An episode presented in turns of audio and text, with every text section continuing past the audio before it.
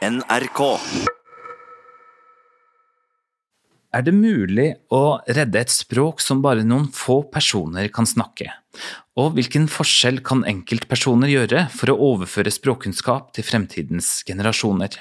Henrik Barok er en samisk språkkonsulent og lærer, og har altså gitt ut den første umesamiske ordboka på 200 år. Er det riktig? Riktigt. Ja, velkommen. Tack. Og så har vi med Hanne-Lena Wilks, som jobber på Gilem Nasted på Snåsa, som er et sørsamisk språk- og kompetansesenter. Velkommen. Tack. Hvor mange er det som snakker umesamisk? Ja, nu är ju den, den minsta samiska språkvarieteten. Och eh, modersmålstalarna är ju få, väldigt få. Men andra språkstalare så är det en betydligt större grupp. Och det är en betydligt större grupp än det man, har velat göra gällande. Man, det finns olika siffror. Det är 10, det är 50, det är 20 och så vidare. vidare. Men det är aldrig gjort någon forskning. Det är en uppskattning. Och uppskattningen är också gjord för alla samiska språkvarieteter.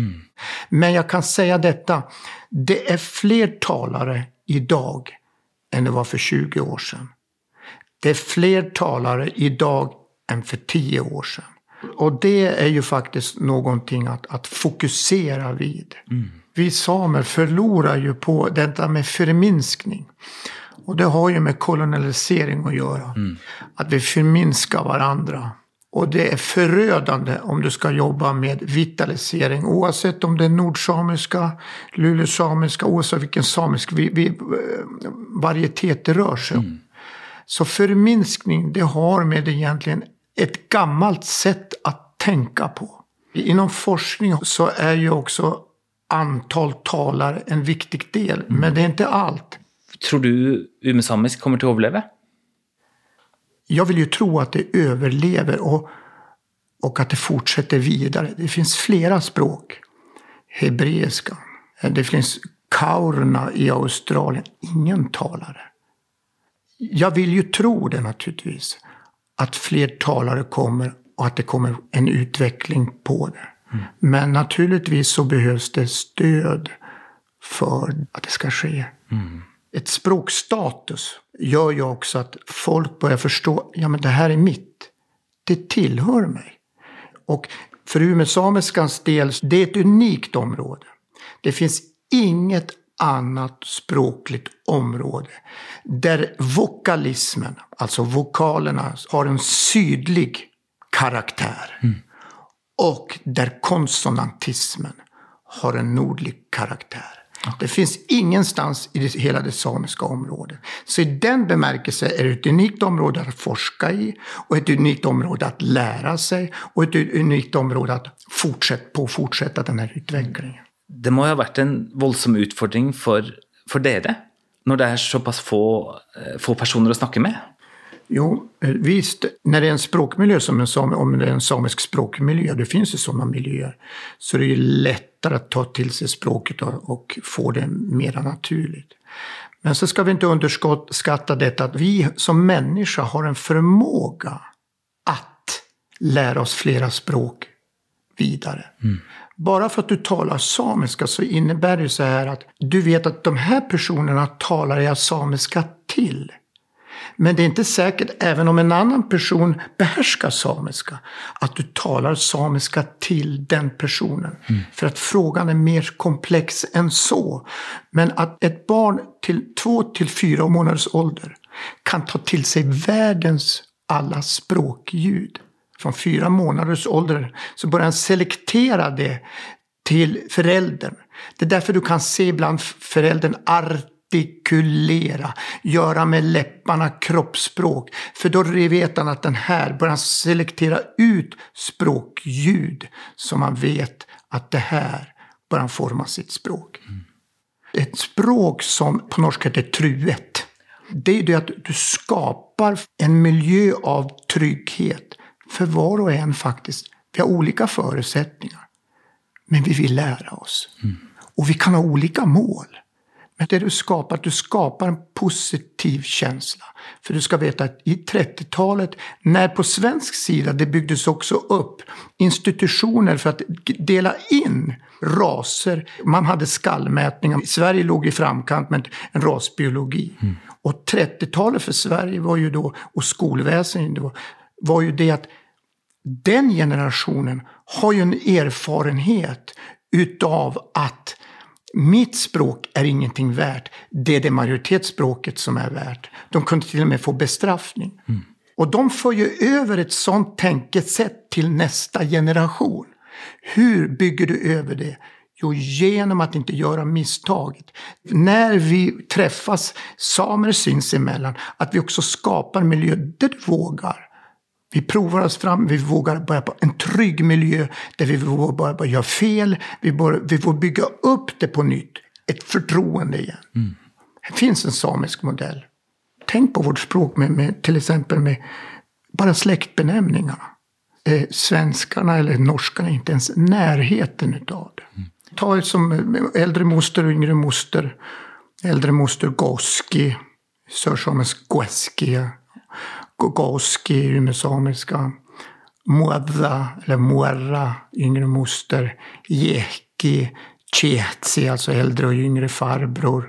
Alla sådana olika slags benämningar. Viva Sassi, en som är tänkt att bli din måg och så vidare. Det finns så rikedom. Och det speglar egentligen vilka relationer vi har haft och hur mycket det har betytt. Och jag tror vi behöver ta det här ännu mer på allvar. Så att vi för över, det finns en naturlig överföring.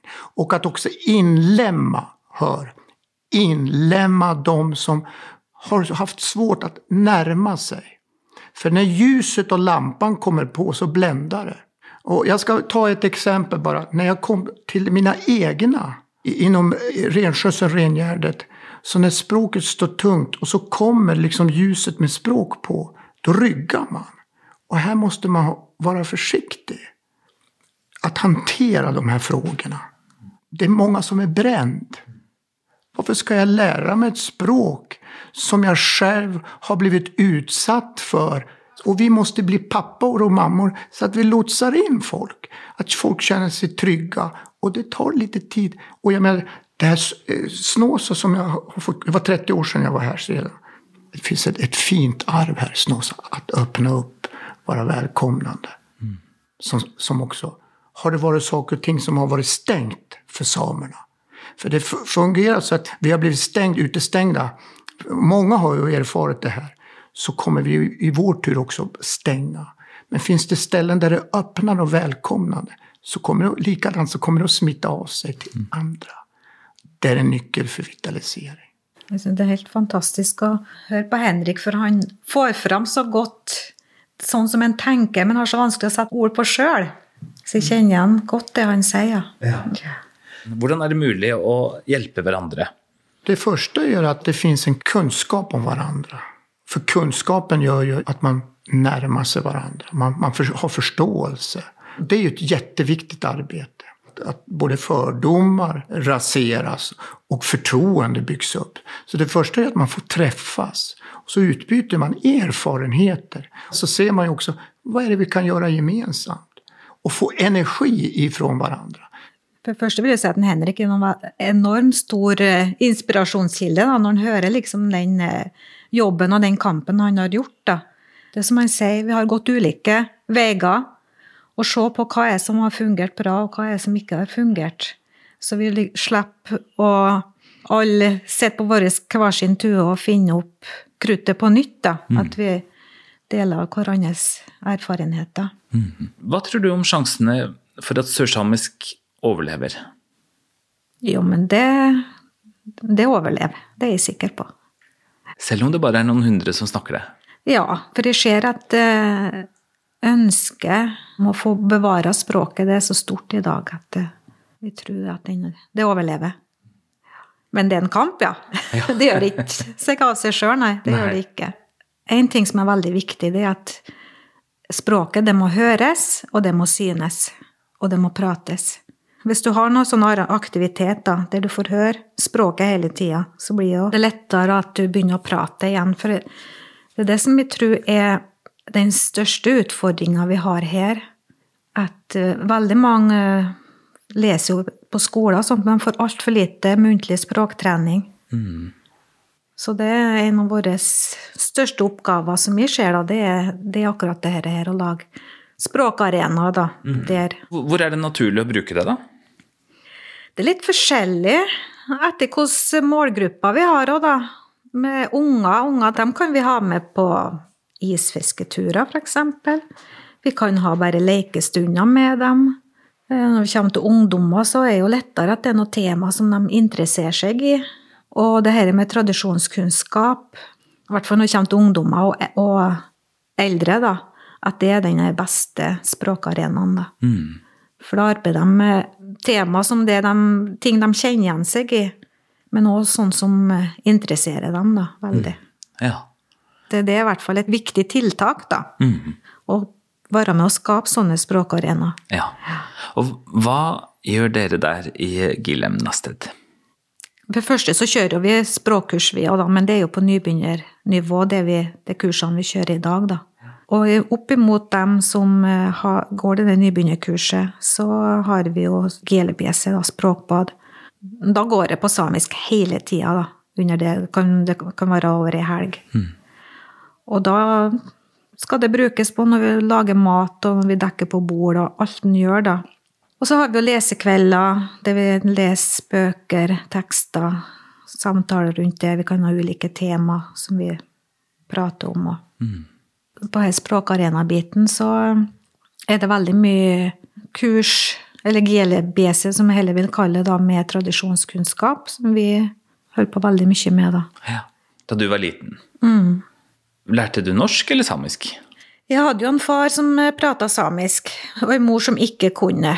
Klart at hun lærte seg litt etter hvert, hun når som han prata med oss, men han døde når jeg var veldig ung. Så da ble det jo norsk mitt hjemmespråk, da. Og det er klart at jeg har alltid liksom kjent på den sorgen at jeg ikke hadde språket lenger, da. Så jeg tror det er vel en av grunnene til at jeg kjente at det vært så viktig for meg å få lov å arbeide med språk og prøve å ta, å ta det tilbake igjen sjøl, da. Og kunne gi det videre til mine unger òg, da. Ja. Min foreldregenerasjon de var jo prega av det fornorskningspolitikken, da.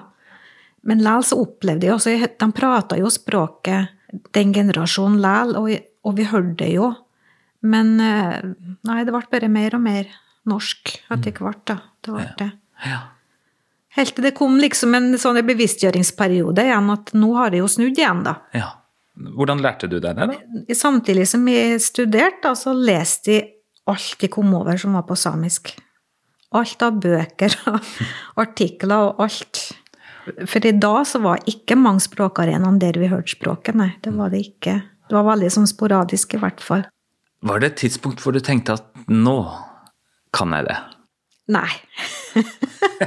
Du er ikke der ennå? Nei, det er det som er så vanskelig. Og jeg lurer på når kan jeg si at jeg kan det? Det tror jeg ja, det er vanskelig å definere. Vi er vel litt sånn prega av der språksperra. Ganske hardt prega av den, da. Hvordan da? Ja, du er redd at du ikke prater det godt nok og bra nok, og redd for å si feil. Og, og så tenker en hvorfor er jeg så redd for det når det gjelder samisk, for vi er jo ikke når vi treffer en engelskmann. Altså, du stotrer jo på det du kan, og bryr deg jo ikke at ikke alt er perfekt. Men det er vel kanskje så mye mer følelser med språket at du føler at ja, det er vanskeligere. Mm. Er det mange som har sørsamisk som morsmål? Ja, og det blir jo flere og flere. For at her på Snåsa gjorde vi et veldig bra tiltak for noen år siden, og det var at eh, det ble etablert en egen samisk barnehage. Etter det så er jo mange flere unger som har samisk som førstespråk, da. Akkurat. Og så kommer de jo over på Resemi skole. Vi er jo kjempeheldige som har egen sameskole og her på Snåsa, da. Nå er ikke alle fagene at samisk kan være hovedspråket, for det finnes jo ikke læremiddel til det. Men du har, du har jo samisk, og du hører jo det i mye større grad enn ellers, da. Ja. Henrik, hvordan har du gått til verks for å samle ord og bygge opp en ordbok i et språk som veldig på- få personer snakker? När det gäller personligt samlande så har jag väl arbetat med det hela egentligen mitt liv sedan barnsben att samla. Dels är att jag hade samisktalande föräldrar så, så det talade samiska. Och sen då så har det ju naturligtvis mera systematiserats genom forskningsarbete. Umesamiskan är ju väl dokumenterat. Så det finns ju både uppteckningar som är gjorda utav språkforskare och så finns det också lydupptagningar eller ljudupptagningar och sånt. Och när du säger ord så, så finns det en, en, forskare, han heter Eliel Lagerkrans. 1937 så gjorde han en, ett ordboksband, det är tre band. Han har hämtat ord ifrån alla de olika samiska varieteter och dialekter. Och när jag har gått igenom ord, ordboken om de här banden så tror jag det är två ord ifrån Umeå samiskt område. Så då förstår vi att forskningen om umesamiskan och umesamiskt område har varit väldigt lågt prioriterad. Ja. Men det en, har ändrats. Akkurat. Min mor är ju född 1918 och ända fram till 20-talet så talades det ju då samiska. Framförallt då från, kanske från, säg från 30-talet så tunnas samiskan, samiskan ut och framåt. Det har ju att göra egentligen med en, en, en kolonisation som också då sker. Och Umeå samiskt område har blivit hårt utsatt. Och leva upp i det, vem var det du snackade samisk med? Jag snackade ju samisk med mina föräldrar. Och så, eh, sen då också då när min mor Eh, föräldrar kom så talade ju de samiska. Sen också då så fanns det ju äldre som fortfarande levde kvar. Men naturligtvis så, så hade ju språket, språket hade ju påverkats så till en milda grad så att, att det fanns ju språkdomäner som språket inte användes på. Akkurat. Mm. Men hade du vänner som snackade samiska eller gick det på svensk där? Det gick på svensk. Och så är det ju också i, i den miljö nu vi har bott, där vi har bott, vi har bott tidigare då i Storuman. Och för mina barn som jag pratar samiska med så har ju de språket som med sina vänner så har de ju använt svenska. Min dotter brukar säga att det är ett mirakel att jag kan tala samiska. Ja. ja. Om vi pratar helt enkelt om språkvitalisering. Det första egentligen som är viktigt för att föra över ett språk, det är att överföring till nästa generation. Och det går fort om inte språket förs över till nästa generation. Och då kan vi tänka så här att vi kan ha olika mål. Mm. Men att språket förs över till nästa generation, det är liksom det fundamentala för att, att språket ska kunna leva vidare. Ja. Och det jag, fick jag ju då göra målmedvetet trots att det var svensktalande miljö runt omkring mig. Att bara besluta mig för att, att jag talar samiska med barnen. Det vi är vana vid är att omgivningen väljer. Hela signalerna som samhället skickar är ju att ditt språk är ju lågprioriterat. Mm. Och här behöver vi som samer och språkcentrum och vi behöver stötta varandra mer än vad vi gör idag. Och stötta varandra i den här vardagen om medvetenhet. För det är en komplex fråga. Mm. Och det är, en, det är en känslig fråga också, språkvitalisering. Du kan inte gå på eh, hur som helst. Så I mitt arbete, när jag också ibland arbetade med att dokumentera språket, så kunde det ibland vara så att jag gjorde med att jag behärskade mindre än vad jag behärskade. För att få fram det jag ville få fram för kommande generationer till exempel. Så att upprätta det språktekniskt, det går. Mm. Men att hur realiserar du det i praktiken? Och det finns det också verktyg som vi kan använda oss mm. Da du brukte muntlige kilder, var det många som vägrade sig för att inrømme att de kunde språket? Det är inte unikt för mig, det är, väl, det är egentligen för, för alla som jobbar med samiskt språk. Och det skapar ett förtroende. Du kan liksom inte gå in hur som helst. Vi är olika, en del är väldigt öppna, en del eller reserverade. Och sen är det så här att det finns också en, en, en dold kunskap, den finns där. Och många tror sig inte om det. Den någon gav kunde bara vara en viktig bekräftelse av det någon annan hade talat. Och hur hanterar du personer då som du vet att det finns en kunskap, men du må vara försiktig. Hos en äldre person, så jag får upp i fjället och bodde. Och eh, jag förstod att det var några dagar som vi var tillsammans. Och då hade jag en bok. Och jag förstod att nu är det inte tid att sova. För då sa Henrik, är du vaken? Ja. Och så kom det på natten. Så att det är olika situationer. Och en, en person som hade, där språket stod svagt, bara en, en bekräftelse kunde betyda oerhört mycket. När vi har det språkbadet språkarenan som jag pratade om, och speciellt när det gäller traditionskunskap, det prövar vi att få med oss eldre ressurspersoner da, som sitter med så mye kunnskap. Men når vi bare vel får dem med, så er de jo et eh, opphav du, av, av kunnskap. Jeg det er veldig viktig å få fram liksom deres eh, Ja, hvor viktig de er i dette arbeidet her.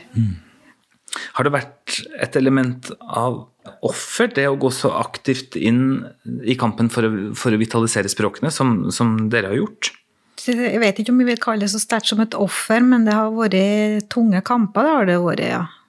Det har vært gråt noen ganger og tenkt liksom Klarer man det her? Hva holder man på med? Men, men likevel, i bunnen så ligger det liksom et sånn sterkt ønske at dette skal gå. At det, det veier opp alt, da. Mm. Jeg synes jo veldig, jeg er jo privilegert som får lov til å være med og, og gjøre, hjelpe det her arbeidet, da.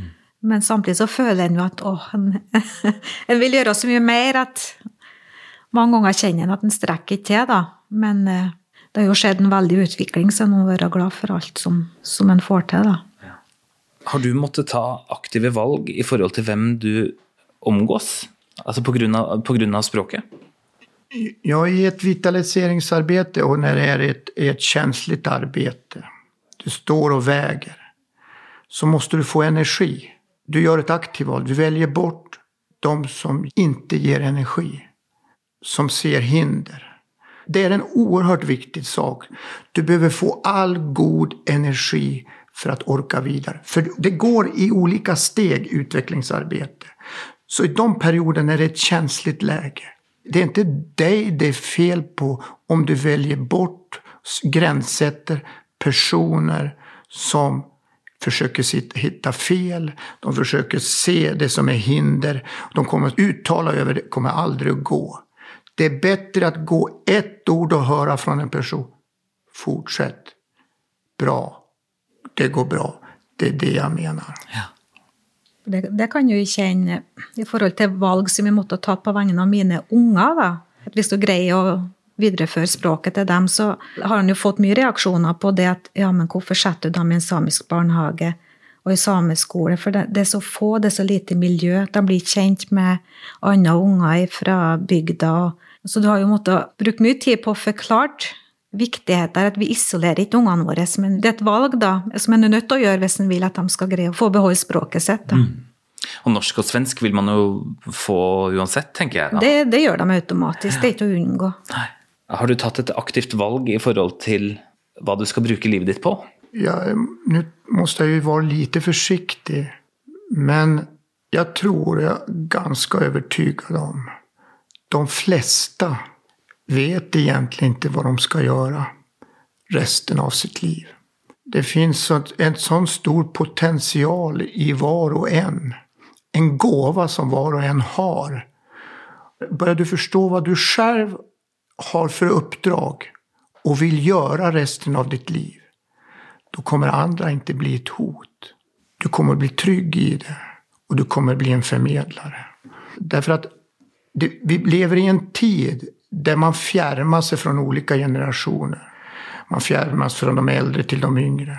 Och det behöver inte vara så. Där har, har vi en styrka hos oss samerna. Där finns det en, en enorm potential. Och, och jag tror att här, den här delen ska vi nyttja mer mellan generationerna. Så kommer var och en in i sitt rätta element. För vet du en sak? Fågeln funderar aldrig på om man ska flyga. Därför han befinner sig i sitt rätta element. Och det, den här frågan är inte bara för vi, alltså språket. Är hela vår kultur. Våra näringar och så vidare. Vårt sätt att uttrycka, vårt sätt att tänka och så vidare. Så det, det jag tror det är en kärnfråga. Vi vet inte vart är vi på väg. Hanna Lena Wilks og Henrik Barok, tusen takk for at dere var med i Tett på. Gito. Kaito. Jeg heter Svein Lian. Tett på fra NRK Sápmi er produsert av 1 til 1 Media.